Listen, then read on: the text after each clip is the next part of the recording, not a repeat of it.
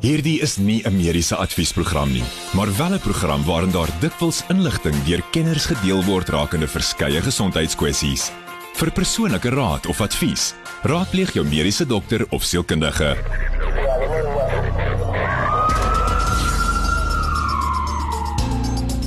Baie welkom is Woensdag aan klein Saterdag bykans 8 minute oor 8. Ek is Pieter Kloete saam met Dr. Jaco van die kerk. Welkom Jaco. Goeienaand Pieter, goeienaand almal wat uh, luister ook.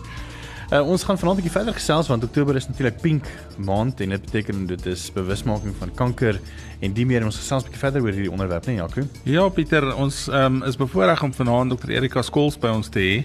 Ehm um, sy algemene chirurg en ek dink sy is baie betrokke in die in pink Oktober, né? Nee? Is dit Pinktober of wat noem ons dit? Ja, ehm um, Pinktober is min of meer wat nou die meeste mense daarna verwys. Ehm um, of Pink Oktober. Uh baie mense praat van borskankermaand. Ehm um, maar ons verkies daarna om daarna te verwys as borskankerbewustheidsmaand. Want op die ou einde van die dag gaan dit nie daaroor om mense uh te leer of meer te laat weet van borskanker nie, maar meer bewus te raak maak van ehm um, jou risikofaktore en wat jy self kan doen om te probeer keer dat jy self 'n statistiek word.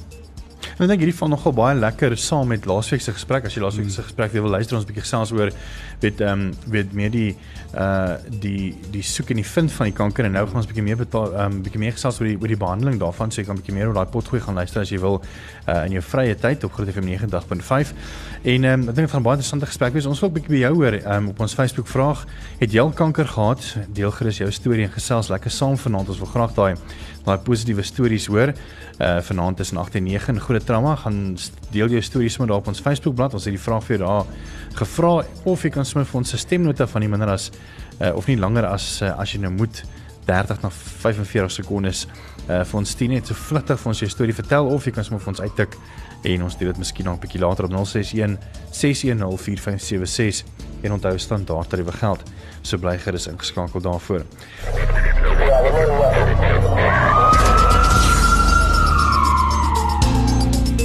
Welkom terug by Groot Trauma vanaand. Ons ge, gaan deel voort met ons gesprek oor borskanker en kankerbewusmaking gedurende Kankerbewusmakingsmaand. En ons wil met lekker saamgesels. Ons WhatsApp nommer is 061 610 4576. Onthou standaard tariewe geld en ons wil graag jou storie hoor. Uh, op ons Facebookblad het ons vir jou die vraag gevra het jy al kanker gehad en ons wil graag jou storie gehoor en jy kan lekker saamgesels en so ook ander bemoedig wat tans deur 'n baie moeilike tyd gaan. En uh, ons gesels ook met Dr Erika Skols. Ja, ek wil graag begin van my kant af. Erika, waar ehm um, het Pink Oktober begin of of die bewusmakingsmaand? Alles begin eers. Waar dit begin, hoe dit begin en hoe dit gebeur dat jy so betrokke is met borskanker bewusmakingsmaand en wel borskanker in die algemeen want daar's nie baie chirurge daar buite wat wat so betrokke is nie. Hulle behandel en hulle sal die mastektomie doen en daarna is dit verby. Ehm um, hoe dit gekom? Uh Jaco, ja, ehm um, die sogenaamde Breast Cancer Awareness Month is iets wat begin is in 1985 alreeds deur die American Cancer Society, asgies. Ehm um, saam met 'n farmaseutiese maatskappy uh wat nou deel is van AstraZeneca.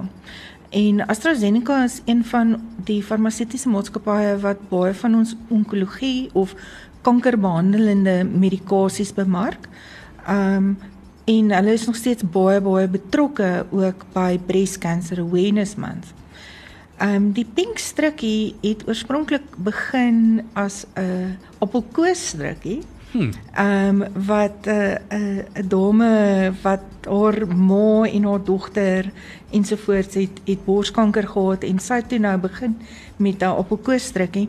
En toe in 1993 het Evelyn Loder wat op daardie stadium die uh voorsitter was of of die CEO van Estie Loder het toe um baie betrokke geraak um en hulle het toe die Breast Cancer Research Foundation begin.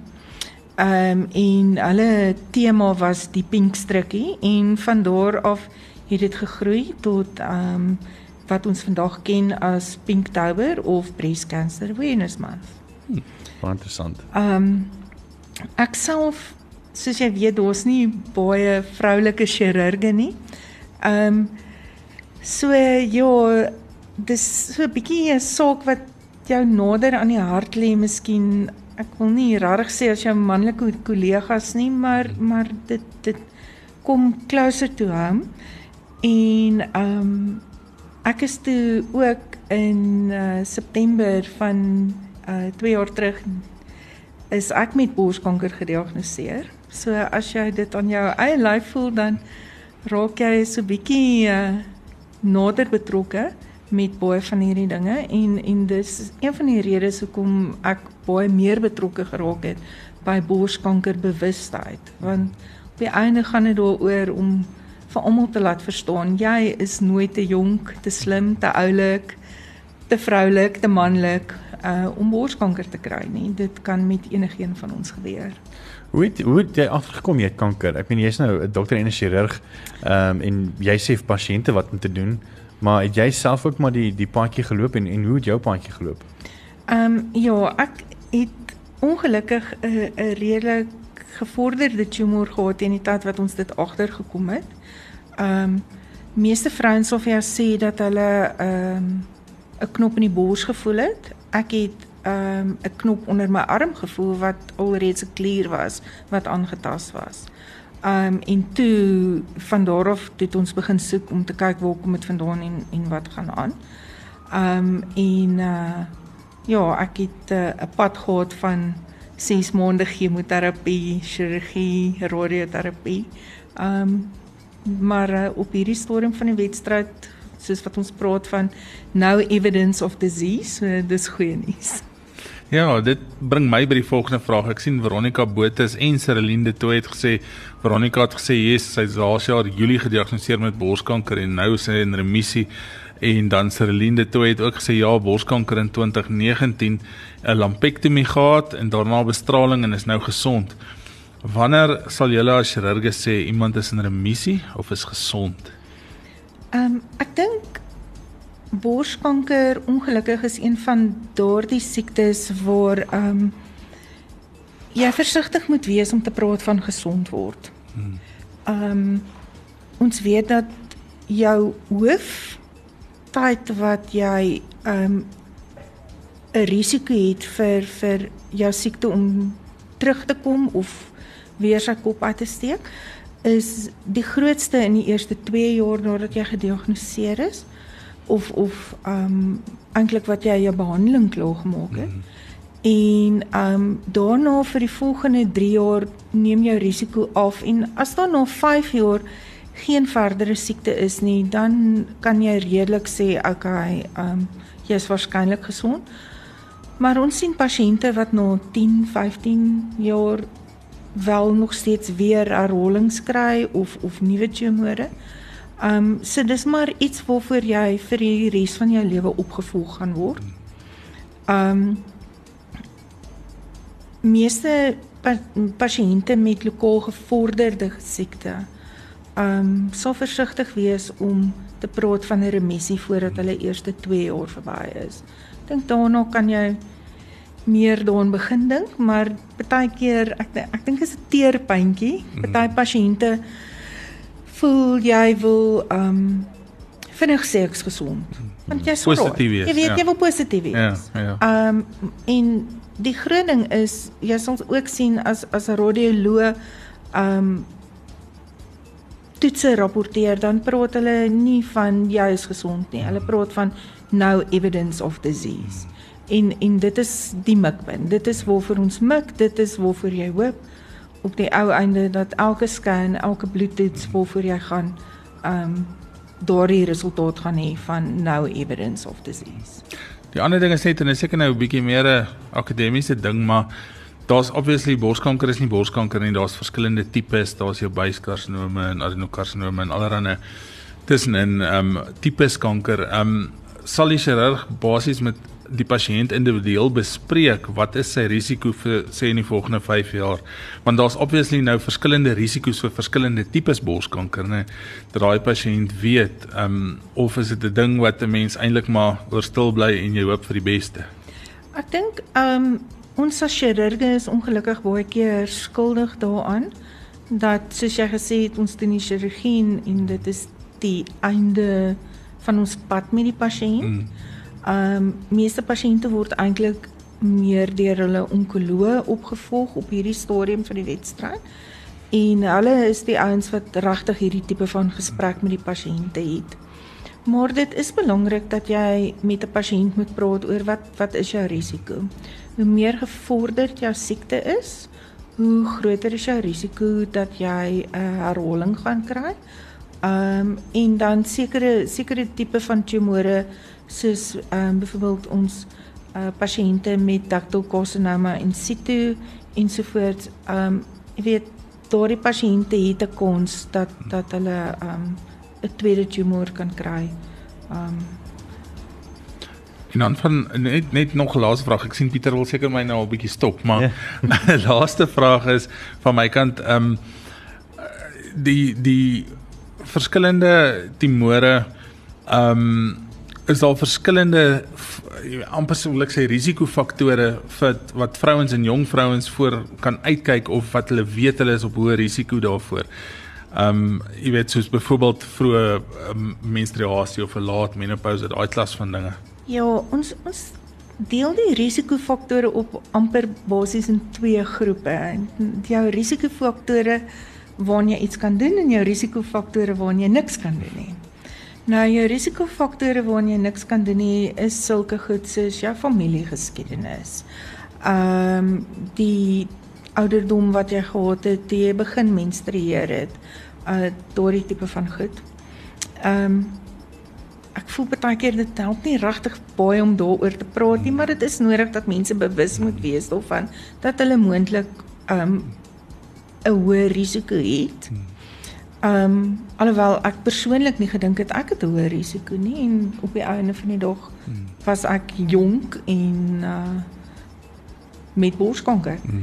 Ehm um, maar dan die die risikofaktore waarvan ons nogal hou om pasiënte meer bewus te maak is daardie goed waarna hulle actually iets kan doen. Hmm. En en dit is goed soos rook. Ehm um, om oorgewig te wees om hoë stresvlakke te hê.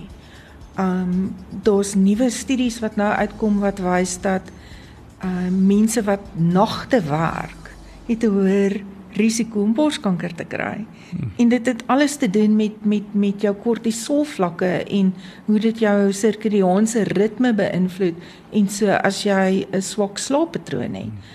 Um Die vraag is natuurlik dan as jy nou weet hierdie is alles risiko's, hoeveel van jou besluite in jou lewe sê jy anders gemaak het? Hmm. Sal jy nog steeds nagte gewerk het as jy geweet het dit plaas jou onder risiko om moontlik borskanker te kry of sal jy maar dieselfde lewe gelei het? Ja, dis 'n goeie vraag. Goeie vraag.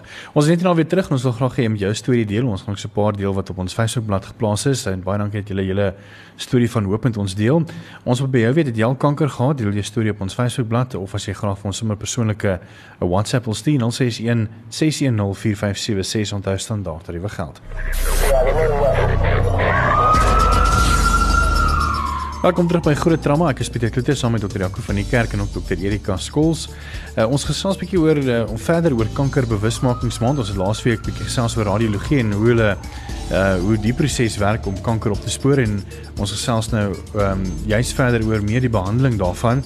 Ons wil graag ook jou positiewe storie hoor. Het jy al kanker gehad? En ons wil graag jou storie hoor op ons Facebookblad. Groot FM 90.5 um, op ons plasing of jy kan sommer vir ons 'n WhatsApp stuur by 061 6104576 onthou standaard tariewe geld.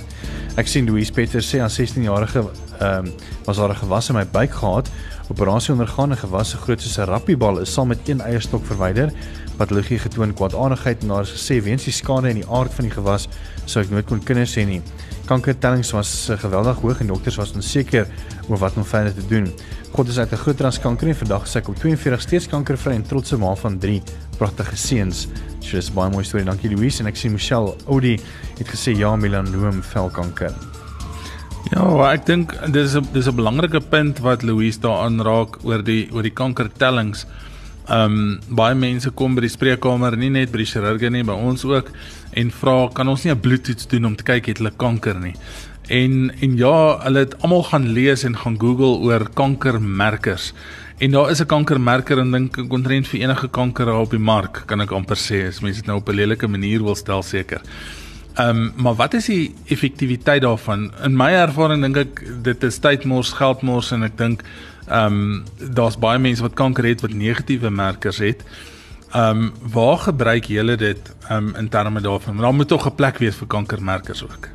Jaco, ja, ehm um, kankermerkers ehm um, word nie gebruik vir die diagnose van kanker nie.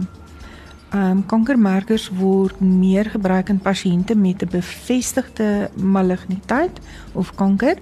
Ehm um, en hoe ons dit aanwend is om basies te kyk na die tendens daarvan.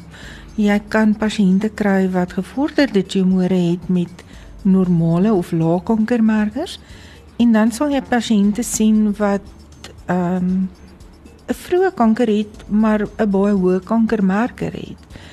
Ehm um, so dit gaan absoluut oor die individuele pasiënt en en sy waardes.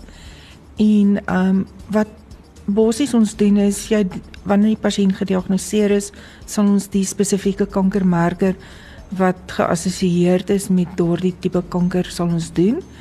Ehm um, as ons dan die pasiënt begin behandel, dan en die markers kom af, dan weet ons die behandeling is effektief.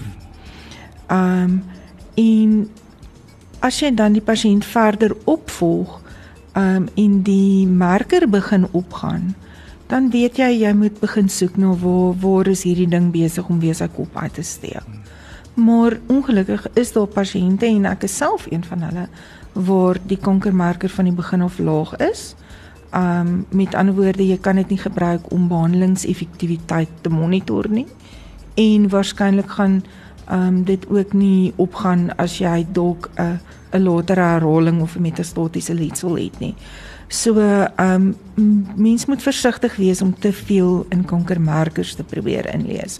En ek sê baie basies op 'n daaglikse basis vir pasiënte. Daar is nie 'n magic bullet nie.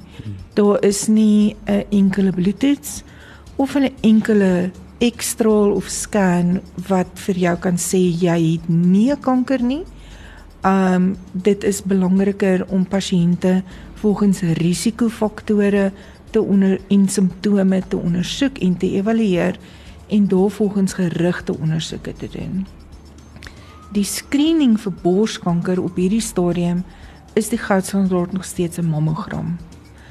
Um en dis belangrik dat mense moet verstaan dat die doel van 'n siftingstoets is nie um om 'n diagnose te maak nie, maar dit is om pasiënte te identifiseer wat verder ondersoek moet word. So 'n screening mammogram gaan bloot vir jou wys hierdie pasiënt het verdere ondersoeke nodig wat dan beteken die pasiënt het 'n biopsie nodig en die biopsie wat deur die laboratorium ontleed word en dan vir jou histologie gee is die manier om die diagnose te bevestig. 'n Mammogram alleen, 'n radioloog alleen kan nie vir 'n pasiënt sê jy het borskanker nie. Hmm. Voordat dit nie op 'n stukkie papier wat deur 'n patoloog geteken is sê dat hierdie is 'n maligniteit nie, kan ons nie daardie diagnose vir 'n pasiënt bevestig nie. En dis baie belangrik. Baie belangrik want ehm um, ek uh, het al meisies gesien, jong meisies, ehm um, wat 'n knop in hulle bors voel, hulle gaan vir 'n uh, mammogram Ehm um, en daar is areas van verkalking op die mammogram en dan word daar deur 'n radioloog vir hulle gesê jy het borskanker. Sure. En op die ou einde ehm um, is daar 'n paar ander goed wat gelukkig ook so kan lyk. Like. Ehm um, en en die belangrike ding is om dit histo met histopatologie te bevestig dat hierdie wel 'n tumor is en en wel 'n maligne tumor is. Sure. Ek wil net gou vra of jy teruggaan na ons gesprek net voor die breek waar jy gesê het van jou storie van hoe jy nou gediagnoseer was ehm um, met borskanker en weet deur hele proses gegaan en daarmee het dit jou siening verander oor hoe jy pasiënte met borskanker hanteer en behandel? Baie ehm um, ja, uh, nie net borskanker pasiënte nie, maar maar alle alle onkologie pasiënte jou jou siening en jou hantering van jou pasiënte verander nogal ingrypend. Ek dink enige uh dokter of iemand in die mediese veld um wat ernstig siek word of of um jy weet 'n groot ongeluk het en vir 'n verlengde tyd self 'n pasiënt is jou um jou manier van praktiseer verander dramaties. Um baie meer empatie of empatie. ja, waarskynlik, waarskynlik baie meer empatie met pasiënte en en jy weet ons dink baie keer ag dis 'n klein operasie, dit kan nie so seer wees nie totdat iemand dit aan jou doen.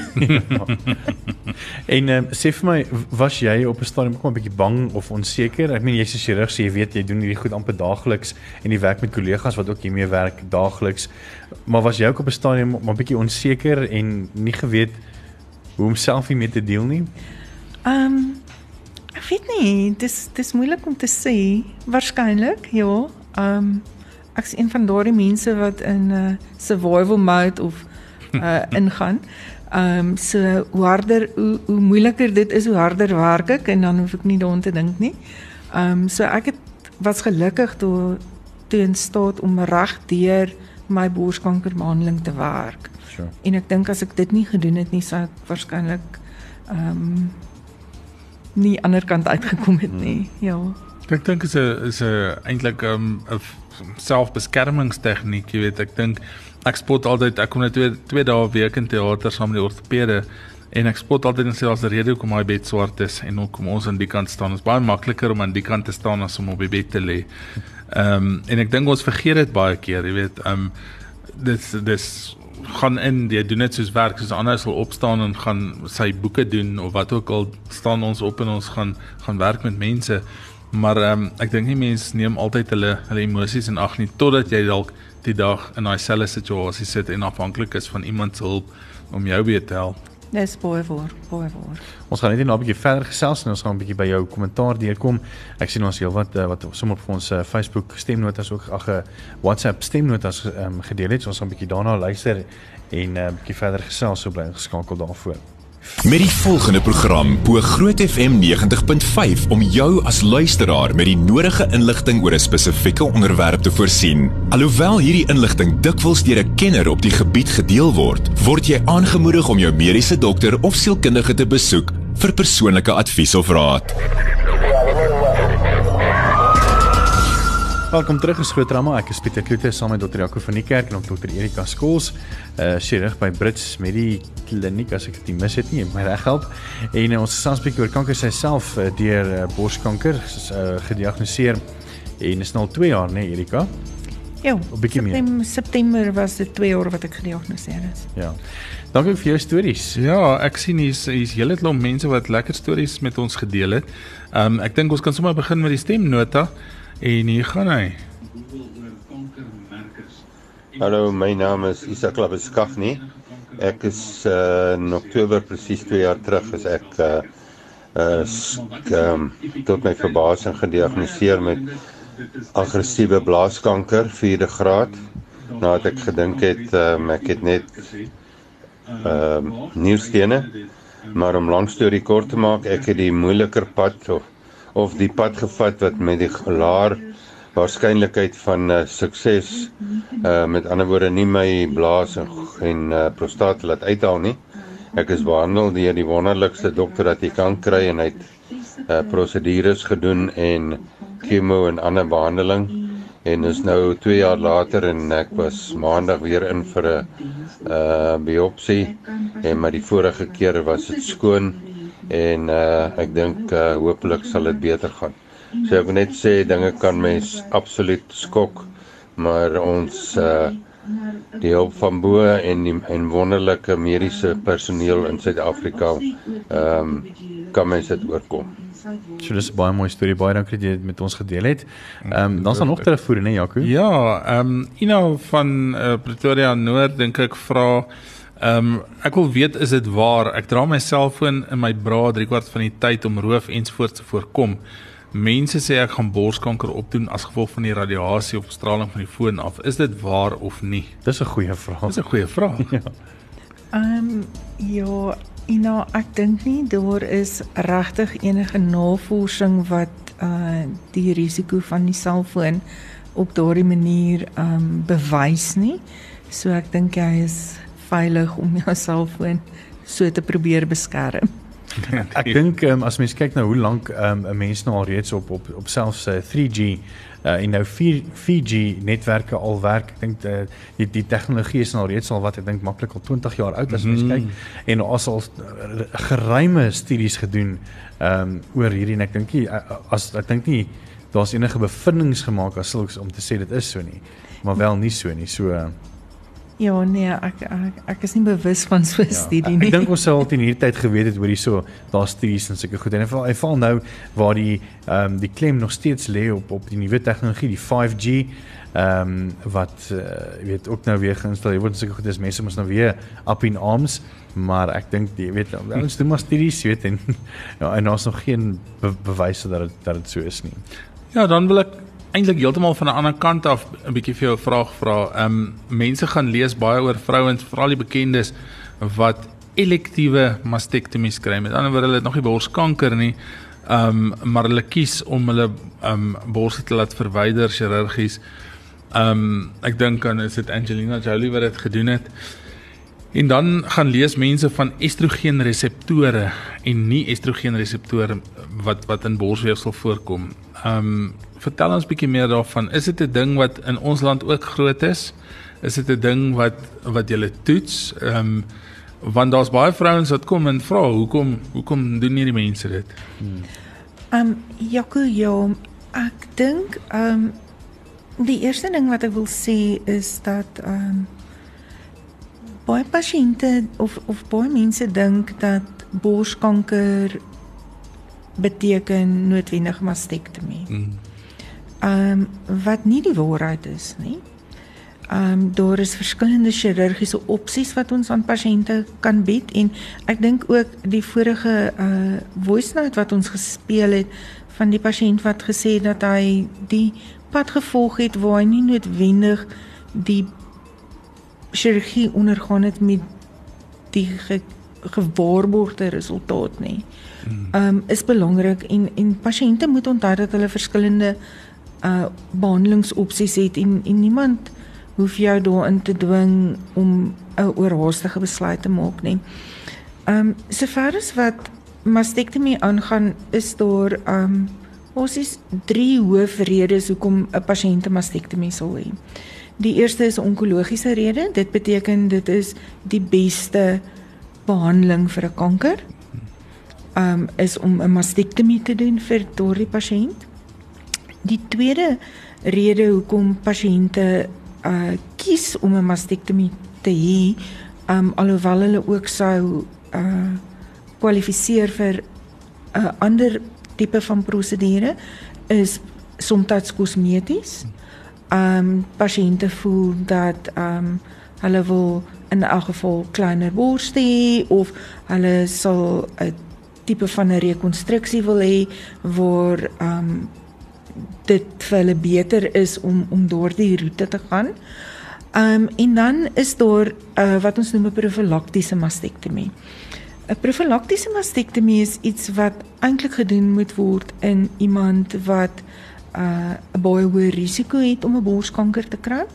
En daar praat ons spesifiek van pasiënte met met die sogenaamde borskanker geen of die BRCA gene en um, dit is spesifiek wat Angelina Jolie mm um in die sin dat hulle geneties getoets word en dan is daar 'n genetiese abnormaliteit wat vir pasiënte dan wys dat hulle in hulle leeftyd 'n verhoogde risiko het om borskanker te kry. Um my raad gewoonlik aan pasiënte is dat voordat jy gaan vir die genetiese toets, moet jy besluit wat gaan jy doen. Hmm. Want dit help nie jy gaan vir die toets Ehm um, en dit kom positief terug en jy besluit dan om niks daaraan te doen nie. Um, so ons toets nie baie pasiënte geneties in Suid-Afrika nie weens die kostes daaraan verbonde. Baie pasiënte um, laat doen hulle genetiese toetsing oor see ook want hulle kry baie vinniger hulle resultate terug. Dit is ongelukkig ook dat ons mediese fondse nie baie geneig is om daarvoor te betaal op hierdie stadium nie. So dis een van die redes hoekom dit nog nie groot is in Suid-Afrika nie. Ehm um, daar was toevallig in die week wat verby is op een van die ehm um, borskanker ondersteuningsgroepe ehm um, 'n 'n gesprek daaroor. Ehm um, waar meisies gepraat het daaroor van is hulle getoets, is hulle nie getoets nie. Ehm um, ek dink dis 'n veld waar daar nog baie navorsing nodig is. Ehm um, en en baie befondsing. Hmm. En op die ou einde van die dag, jy weet, kan ons vir pasiënte wat wel geneties positief toets. Ehm um, lewensreddende chirurgie aanbied. Ehm um, wat kan maak dat hulle nooit borskanker kry nie. Ehm um, maar die vraag is weer eens, jy weet, en en en dit is waaroor die debat maar gaan is as jy positief toets, wat gaan jy dan doen? Dit is 'n belangrike belangrike punt voordat jy gaan. Uh, net nog so laaste paar vragies en terugvoer vanaf ons Facebookblad af. Ehm um, Heidi Jakob sê ja, multiple my uh myeloma. Ek was 47 jaar oud, is 2 Mei 2017 gediagnoseer na 'n geval het my nek seer gemaak het en ek het begin skeef lê. Nek is gefuse, my C1 links was weggevreet. Ek het toe op 5 Junie 2017 begin met bestraling, 30 sessies en 10 Julie 2017 begin met chemo. Gaan elke 6 maande vir toets Benz Jones en urine beenmerg biopsie wys dat MM getal klim maar stadig. Was die laaste biopsie in Mei hierdie jaar gedoen en het dit gewys 0.3. Wat net so 'n bietjie meer oor daai statistieke wat sy gee as mens kan sin maak daarvan Erika? Ehm um, ja, Dis, ek wil ook net bysê dat mense mense weet ek nou nie wat die pasiënt se geskiedenis Ja, is. dit is 'n moeilike ding. So En vervolgde mieloom is 'n moeilike siekte, dit is 'n mieloproliferatiewe siekte. So ek dink baie van hierdie mense kom by die by die interniste en en onkoloog primêr uit. Ek dink nie dis 'n chirurgiese siekte primêr nie. nee, ehm um, en en dit is in party pasiënte baie stadig ehm um, broeg weet 'n siekte wat wat stadig verloop. Ehm um, so baie van waar die pasiënte word opgevolg eerder as wat hulle noodwendig aktiewe behandeling kry. Ehm um, Erika baie dankie vir jou vraag. Ons gaan so net sommer vir jou privaat uh, probeer antwoord. Dis dit vir groot trauma vanaand. Baie dankie Erika. Ek dink ehm um, dit was 'n baie insiggewende program. Baie dankie ook vir jou wat wat lekker saamgesels het en ook jou storie gedeel het oor kanker en kankerbewusmaking. Ehm um, so baie dankie ook vir jou. Erika, weer eens dankie vir jou en Jaco vir jou ook. Groot FM 90.5